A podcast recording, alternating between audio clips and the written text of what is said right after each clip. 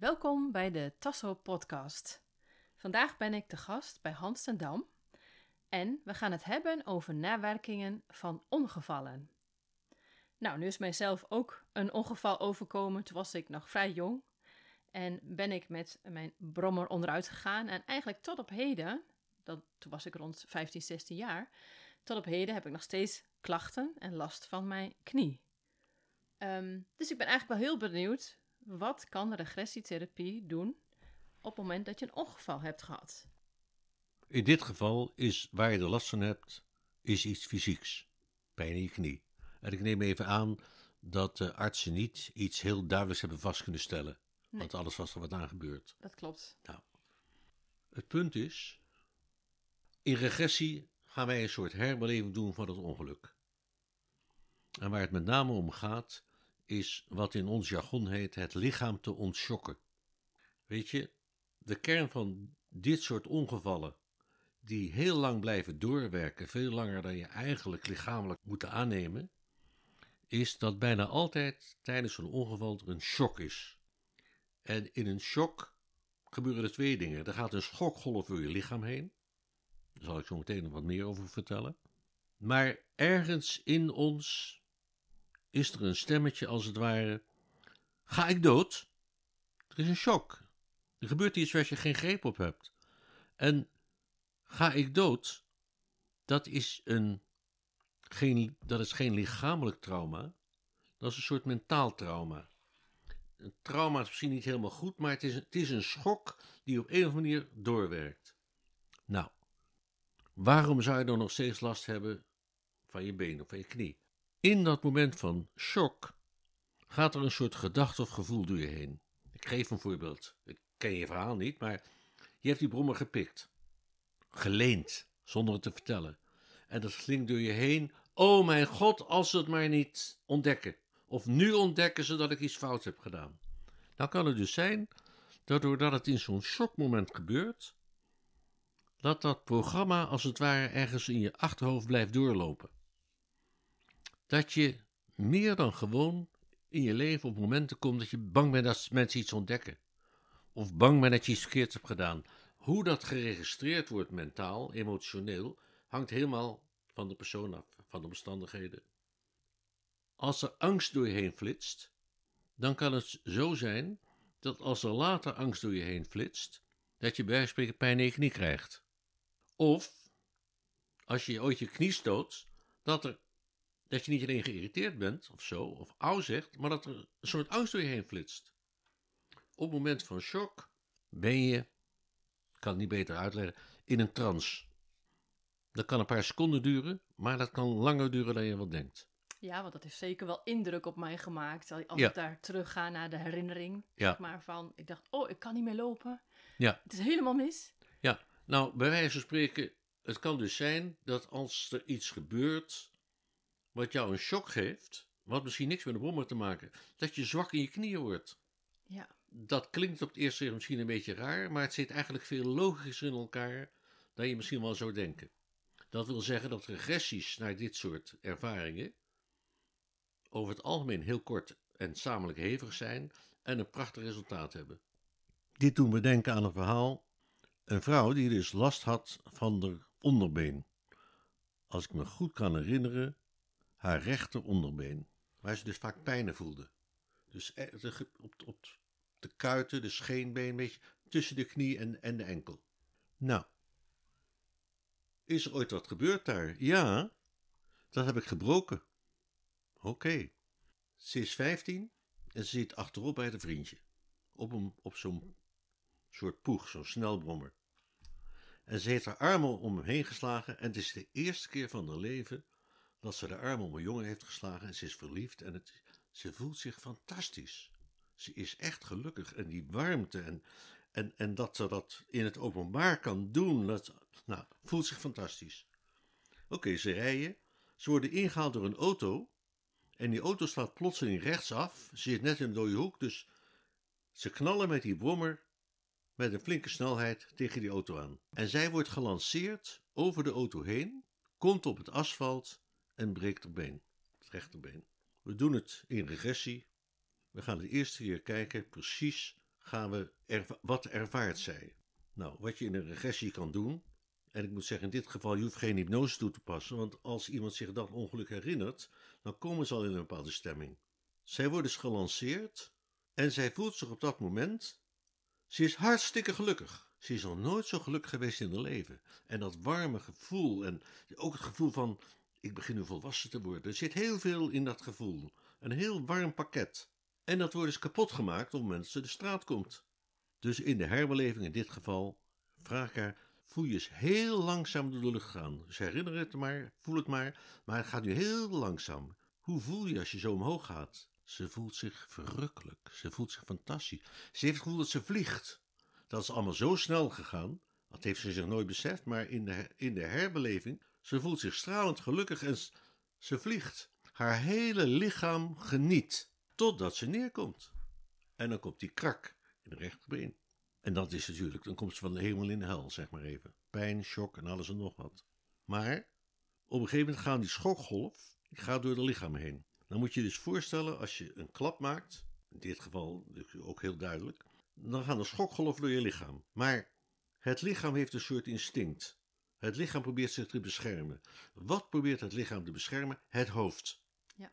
Dus ik zeg tegen haar: Oké, je voelt je neerkomen. Hup. Nou krijg je een indruk wat er gebeurd zou zijn als je been niet gebroken was. En dan voelt ze dat ze dus doorschiet en met haar hoofd op het asfalt komt. En ze ziet het bloed uit haar oor komen. Schedelbasisfractuur. Dus, als je been niet gebroken was, dus het breken van een bot vangt een groot stuk van de schokenergie op. Ja. Als dat been niet gebroken was, als dat bot niet gebroken was, had je een schedelbasisfractuur kunnen hebben. Ja, ja, ja. Dus ik zeg, en dat is een van de raarste dingen die wij doen, maar we doen het alleen maar omdat het zo goed werkt. Bedank je been maar dat het zich opgeofferd heeft om je hoofd te beschermen. Ze begint te huilen van geluk. Ja, prachtig. En zegt, mijn been is altijd, het wordt helemaal warm. Mijn been is altijd koud. Nou, we gaan ook nog even door. Dus die schok, komt dan komt ze op de, op de ene schouder terecht. En uiteindelijk komt ze ook met haar hoofd op het asfalt, maar veel meer afgedempt. Dus de schouder heeft ze ook veel problemen mee gehad. En niet zo ergens met het been. Dus we gaan eerst de schokenergie die in het been zit ontladen. Hoe we dat doen is even niet zo belangrijk, maar dat is eigenlijk heel simpel. Vervolgens gaan we de energie die in de rechter schouder zit, waar nog een stuk van die schokenergie in zit, gaan we ontladen. En vervolgens wat er nog in het hoofd zit. En dan voelt ze zich een ander mens. Op het moment dat zij dus door de lucht vliegt, dat is misschien, dat is nog geen eens een half seconde.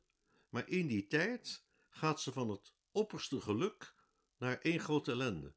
Ja. En er zit natuurlijk ook iets in als je door de lucht vliegt. Er is iets van wat gebeurt er als ik neerkom? Ga ik dood?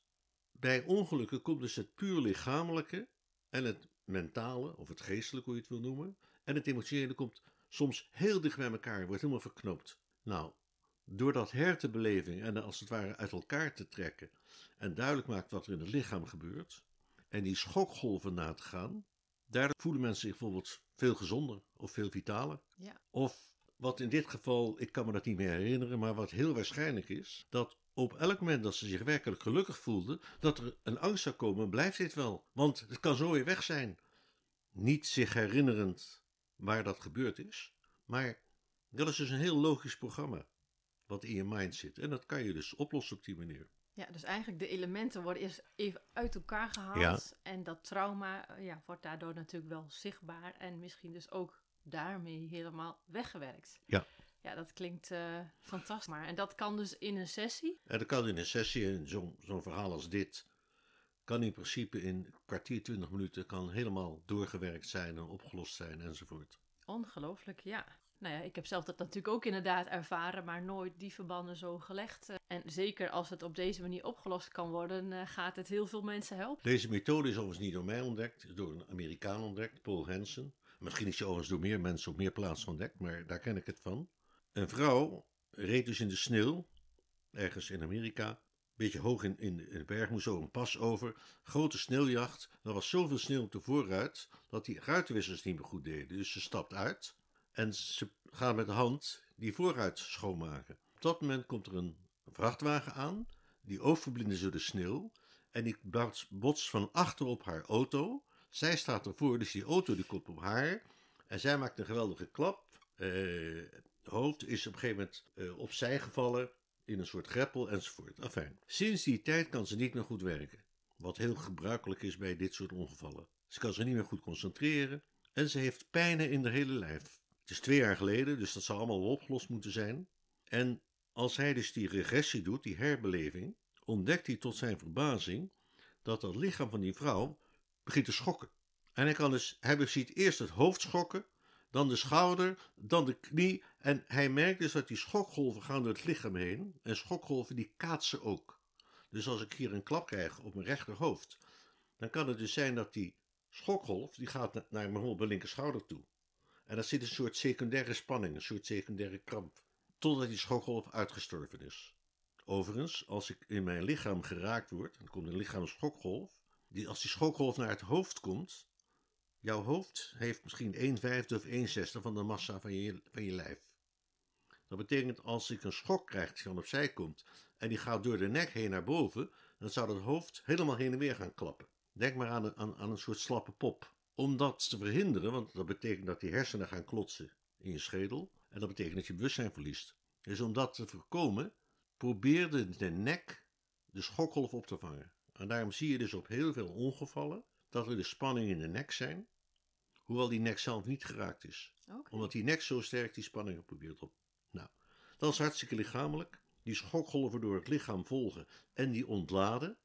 En ik wil me bijna excuseren omdat het zo raar klinkt, maar we praten dan met het lichaam. En of we nou echt met het lichaam praten, we praten natuurlijk uiteindelijk met de geest van iemand, maar dat werkt heel goed. We zeggen dus tegen de nek: laat die spanningen maar los. En dat helpt nog beter als je bijvoorbeeld erop tikt met een vinger. Dus rustig even kloppen. Dat lichaam verstaat misschien geen woorden, maar het lichaam verstaat als het ware wel aanraking. Ja. En dan wordt het versterkt en dan komt er een diepe ontspanning. Mensen kunnen soms voor het eerst hun nek helemaal bewegen en hun hoofd helemaal draaien na zo'n sessie.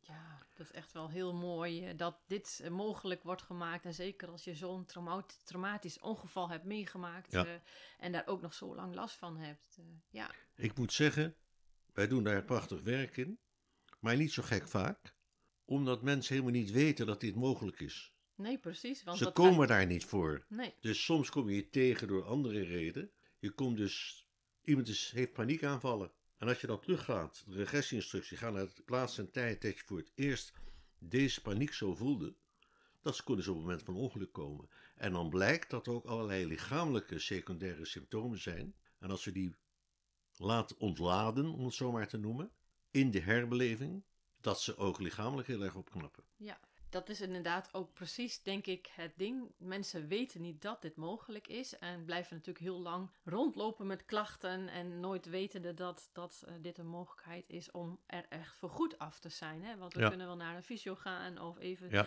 tijdelijk wat met ons lichaam doen. Maar ik vind het ook wel bijzonder dat juist die drie elementen zo heel erg met elkaar verweven zijn en hoe het dan met de regressietherapie ook op die manier nou, kan het zijn dat je toch nog een keer naar de fysio moet, maar dat het dan definitief over is. Ja. Omdat de fysiotherapeut misschien uitstekend werk levert, maar door die mentale ladingen die erop zitten, die emotionele ladingen, die ervaringen, komt het als het ware steeds opnieuw in het lijf terecht. Ja. En als dat samen wordt opgelost, geef nog een voorbeeld, een meisje, iemand, een vrouw die, die zegt, ik ben heel rustig, ik ben heel zelfverzekerd, ik heb nergens last van. Maar heel vaak voel ik me panisch. En het slaat nergens op. Ik ben helemaal niet angst, maar, maar ik voel het wel. Nou, Ga terug naar de plaats van tijd dat je voor panisch bent. Ze is een meisje van drie. Ze is op een trap. De trap gaat naar beneden. En beneden is er een soort halletje. Dat gaat naar de voordeur. Maar er is links ook een deur. Dat gaat naar het café. Haar ouders hebben een café. Ze is boven naar de trap en ze begint voor de trap te vallen. Dan krijg je dus bom. Ene schouder. Dan wordt er een hoofd geraakt. Dan wordt er een, een voetklap. Je krijgt dus steeds opnieuw schokken die door je lichaam heen gaan. Dat betekent dat je in trance komt. Dat zou ik ook nog kunnen uitleggen. Maar zij ligt dus beneden aan. Ze is helemaal versuft. Dan moet je nagaan. Het is een grote trap, maar je bent jong. Je bent dus heel soepel. Je bent ook niet zo zwaar. Dus de, de verhouding tussen je lichaamsoppervlak en je gewicht is nog heel anders dan als je volwassene bent. Dus ze is beneden, maar ze heeft eigenlijk niks. Maar ze is helemaal versuft even. En natuurlijk tijdens het vallen, er is toch een soort paniek. En er zit toch een soort in van, denkt ze niet zo bewust, maar ga ik dood? En dan ligt ze daar, er is niks in de hand. Haar moeder heeft het gehoord. Die komt dus uit het café in, doet die deur open, ziet dat kind op de grond liggen en gilt. En op dat moment ervaart ze, het is die gil van mijn moeder die ik hoor terwijl ik versuft daar lig, die ik helemaal in me opneem. Het is haar paniek. Nou, dan doen we op onze manier van werken. We praten met het meisje van drie. Geef die angst maar je moeder terug. En nou, daar hebben we onze handigheden voor. Maar het wezenlijke is ineens dat het. En die vrouw die voelt zich dus gewoon gelukkig. Want die voelt, er zit ergens al een paniek in mij. Maar daar kon ze ook niks mee, omdat haar paniek niet was. Nee, precies. Ah, Wat een En opluchting. een echte, een diepe opluchting. Ja, En mensen kunnen dagen later nog mailen of bellen hoe blij ze zijn, omdat ze dus een verschil in hun leven voelen. Wat is een ogenschijnlijk heel nou, klein. Het is, het is natuurlijk toch eigenlijk iets onbelangrijks, een meisje die er van de trap valt, wat zich verder niet echt verwondt. nee. Lichamelijk is er Nee. eigenlijk niet zoveel aan overgehouden. Nou, dit is dus een voorbeeld dat de lading, als er, die in dit geval van de ander komt. Ja, ja dus dat het eigenlijk ik- buiten jezelf ligt. Mag ik nog een gekke voorbeeld geven? Jazeker, nou, graag.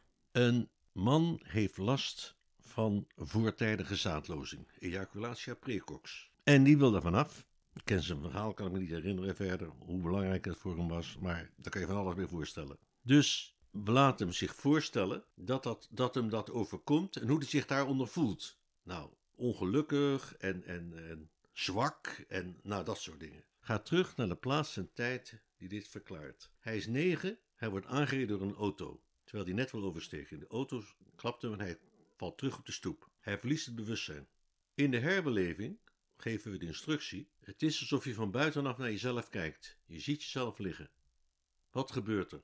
Daar moet ik waarschijnlijk aan denken. Er komt wat bloed uit zijn oor. En er is paniek van de mensen om hem heen. En hij moet dus snel naar het ziekenhuis. En dan roepen mensen om hem heen: vlug, vlug, vlug, vlug, vlug. En zelfs in de ambulance wordt er geroepen: we moeten vlug zijn. Vlug, vlug, vlug, vlug. Anders overleeft hij het niet.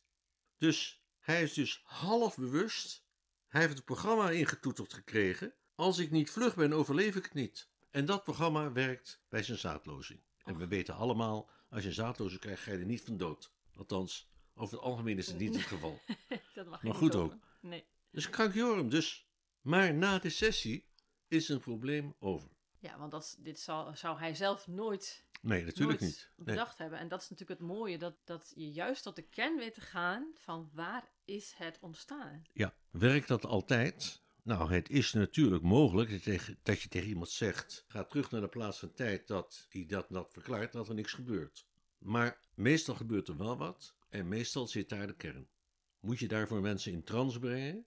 Ik kan me voorstellen, bijvoorbeeld dit laatste voorbeeld, dat iemand daar niet zelf bij kan komen. Dus je eerst iemand zo ver als het ware in trance moet brengen. En dat je dan zegt, ga terug naar de plaats van tijd, dat het werkt. Maar heel vaak is het niet nodig. Want als mensen bij je komen, ze hebben dat onopgeloste probleem on zich, hebben ze bij zich. En daar denken ze op dat moment aan. En die sfeer, die zit, daar zitten ze al in. Ja, Dus bijna altijd is dat voldoende. Dus op dat moment denken ze niet van, wat is dit spreirood? Of eh, wat heeft die vrouw een, eh, een onmodieuze trui aan? Nee, ze zitten met hun gedachten bij dat probleem wat ze hebben. ja, En bij die za- voortijdige zaadlozing, dat, daar heb je gevoelens over. Dat is een sfeer, daar zit je in. Je zit niet op dit moment bij iemand zakelijk, je zit in die sfeer. En die sfeer is een soort trance. En dat is voldoende om dus terug te gaan naar de oorsprong daarvan. Blijkt Ja. in de praktijk. ja, precies. Want dat, eh, nou ja, net als in mijn geval, zeg maar, ik had er eigenlijk al heel lang niet meer aan gedacht, om eerlijk te zijn. Maar goed, met dat we dit gesprek zouden hebben, toen kwam het in één keer naar boven. Dacht ik van, hé, hey, wacht, ik heb ook zoiets meegemaakt. Maar dat is misschien wat lastig, want je bent nu met iets heel anders bezig. Maar komt er ook een bepaald gevoel mee omhoog? Bij wijze van spreken dat je weer voelt hoe het was op die leeftijd of zo. Ja, nu ik dit zo hoor, dan kan ik daar wel een bepaald gevoel bij, eh, bij voorstellen. Ik voelde mij inderdaad ook heel vrij. Het was een mooie zomerse dag, mooi weer en ik gleed gewoon uit Ja. in mijn korte broek, dus dat was niet zo handig. Ja. Eh, dan ga je, schaam je nog als je in een korte broek op straat ligt. Dat zou ook nog kunnen. Ja. Maar, maar je begint dus daar al. Je voelt je heel vrij. Ja. Nou, is dat belangrijk voor jou in je leven om je vrij te voelen? Ja, Ja. En voel je je meestal vrij? Hmm. redelijk, maar niet altijd, nee. Nee. nou, het kan dus zijn dat er dus ergens op dat moment in die, in die halve bewustzijn waar je in bent, een soort conclusie is getrokken van. En als ik me eindelijk helemaal vrij voel, dan gebeurt er wat. Bam! Ja, Het kan ook net een iets andere conclusie, want wat voor conclusie je trekt hangt van de omstandigheden af en van wat we je persoonlijkheid noemen. Maar het kan dus ook zijn dat er een soort inhouden ontstaat. Ik kan maar beter niet vrij en gelukkig voelen, want anders gaat er iets verkeerds. ja, precies. Dat je toch onbewust daar een bepaalde... Of als je je eigenlijk schuldig erover voelde, dan komen die schuldgevoelens op van zie je nou wel, ik word gestraft. Dan kan je onze lieve Heer erbij halen als je niet uitkijkt. Ja, En dan kunnen er hele programma's ontstaan. ja. Nou, ik, kan- denk dat ik daar zeker een keer een sessie aan moet gaan, eh, gaan wijden dan, om, eh, om daar eens even goed naar te Ik kan kijken. iedereen aanraden om zo'n sessie te doen. Het is helemaal niet ingewikkeld over het algemeen. Als we dit in de opleiding aan mensen leren, beginnen we meestal zo dat iedereen even gevraagd wordt: hoeveel echte ongevallen heb je in je leven gehad? Ja, Wat ook natuurlijk een rol speelt, je bent op straat in elkaar geslagen. Dan wordt het veel ingewikkelder, maar dan gaat het niet alleen om de stompen die je krijgt, fysiek. Je bent in een gevecht en je wint of je verliest, of, en dat zijn allerlei gevoelens, of er staan mensen te kijken. Dus als er geweld is bijvoorbeeld, dat is, dat is veel ingewikkelder dan wat ik nu even zeg. Wat denk je over zo'n verkrachtingen? Een vrouw kan geen auto, een hele competente vrouw, volwassen vrouw. Maar ze is één ding wat ze niet kan, ze kan niet auto rijden. Dat lukt er niet, ze zakt elke keer, heeft al bijna opgegeven. Nou, sluit je ogen, ga eens naar het moment. Je gaat in die auto zitten, die leraar zit naast je, instructeur zit naast je. En op welk moment krijg je voor het eerst het gevoel, ik kan dit niet. Dat is als ze het stuur in de hand neemt. Als ze het stuur in de hand neemt, nou, ik heb er geen echt greep op. Nou, ik bespaar de luisteraars het verhaal. Dit speelt ook niet in Nederland af, maar ze is ooit op straat als meisje van over 19 door twee kerels verkracht. hoe heftig, ja. Nog sterker, één, de ene was bezig, de andere had een pistool tegen het hoofd. Nogmaals, dit speelt ergens in Zuid-Amerika. En ze kan dus niks doen, ze heeft geen greep. En ze kan zelfs niet roepen, want als ze geluid maakt, wordt ze, wordt ze geschoten. Althans, wordt ze weer bedreigd. Als we dat hebben afgehandeld, dat is natuurlijk een stuk zwaarder. Dat is heel anders. En veel meer en gaat veel dieper en is, zet veel meer kanten aan dan een eenvoudig ongeval, kan ze ineens autorijden. Dus dan moeten ze niet alleen herbeleefd zijn, maar die shock is zo diep en er zit een schaamte bij, er zit haat bij, er zit, ik weet niet. Dus al die ladingen die we noemen, die zijn zo complex, dat gaat soms meer dan één sessie duren. Ja, nee, daar kan ik me wat bij voorstellen. Want ik heb ook wel mensen meegemaakt die ook eh, nou ja, echt wel behoorlijk gewelddadige overvallen hebben meegemaakt. Ja. En nou ja, ook echt behoorlijk getraumatiseerd zijn, direct al. Dus dat is natuurlijk, hè, zoals na een ongeluk, dan heb je nog niet direct meteen een heel trauma. Je denkt, ach, ik ben Ja. genezen en ik Ja. kan weer redelijk mijn dingen doen, zeg maar. Dat is natuurlijk wat kleiner. Maar dat werkt dus ook voor de complexe zaken. Iemand die in een bank werkt en een, een soort, ja, ik weet niet precies hoe ik het noem, een filiaalhouder. Ik zal de naam van de bank niet noemen en de plek niet, maar op vrijdagavond gaat de bank open. Dus uit dus heel veel jaren geleden is het de begintijd dat banken op vrijdagavond open gingen. Zij maakt open, hij gaat achter, achter zijn, eh, zijn kassa zeg maar staan en er komt iemand binnen, pistool. Hij is razend. Hij verdomt het. Hij begint te vechten met die vent. Hij is een heel gevecht en er wordt schade. En uiteindelijk, die vent die vlucht, want het wordt allemaal te ingewikkeld. Nou, de hele toestand, is wat bloed en verder niks aan de hand. Op zich heel interessant hoe dan de rest van de bank reageert en hoe de politie reageert. Maar dat verhaal schenk ik jullie. Hij is ook heel tevreden, want hij heeft hem afgeschrikt. Er is niks aan de hand. Het leven gaat gewoon door. Meer dan een half jaar later staat hij weer en er komt een man die lijkt op de man die, die daar toen was, waar hij mee gevochten heeft. En hij weet meteen dat als hij hem ziet, het is niet dezelfde vent, maar hij lijkt erop. En hij begint te trillen. Ja, En sindsdien zit hij thuis en kan niet meer werken. poeh, ja, precies.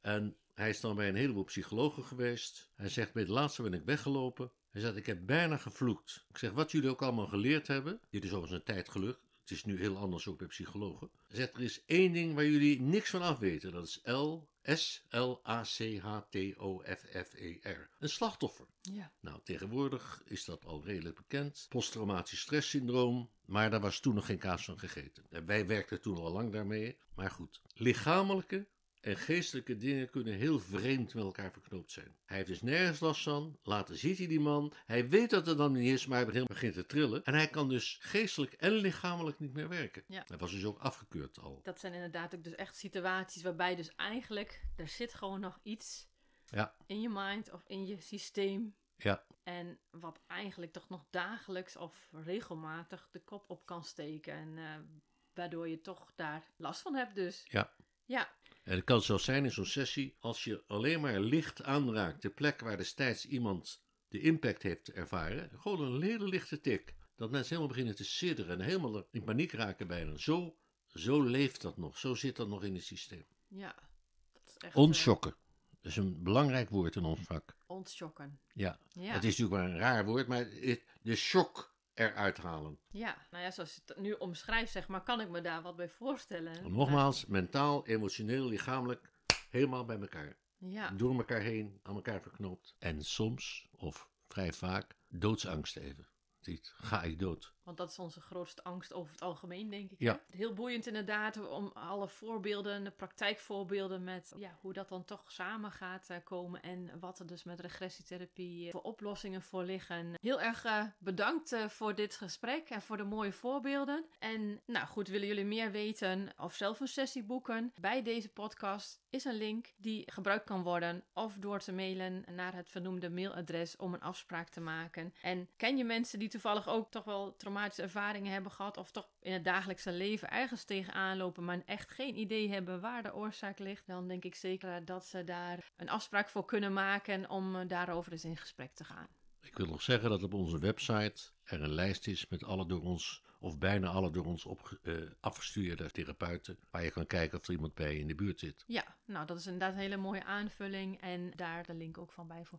Heel erg eh, bedankt voor dit eh, mooie gesprek. Graag gedaan. Het is een mooi vak, ik praat er graag over.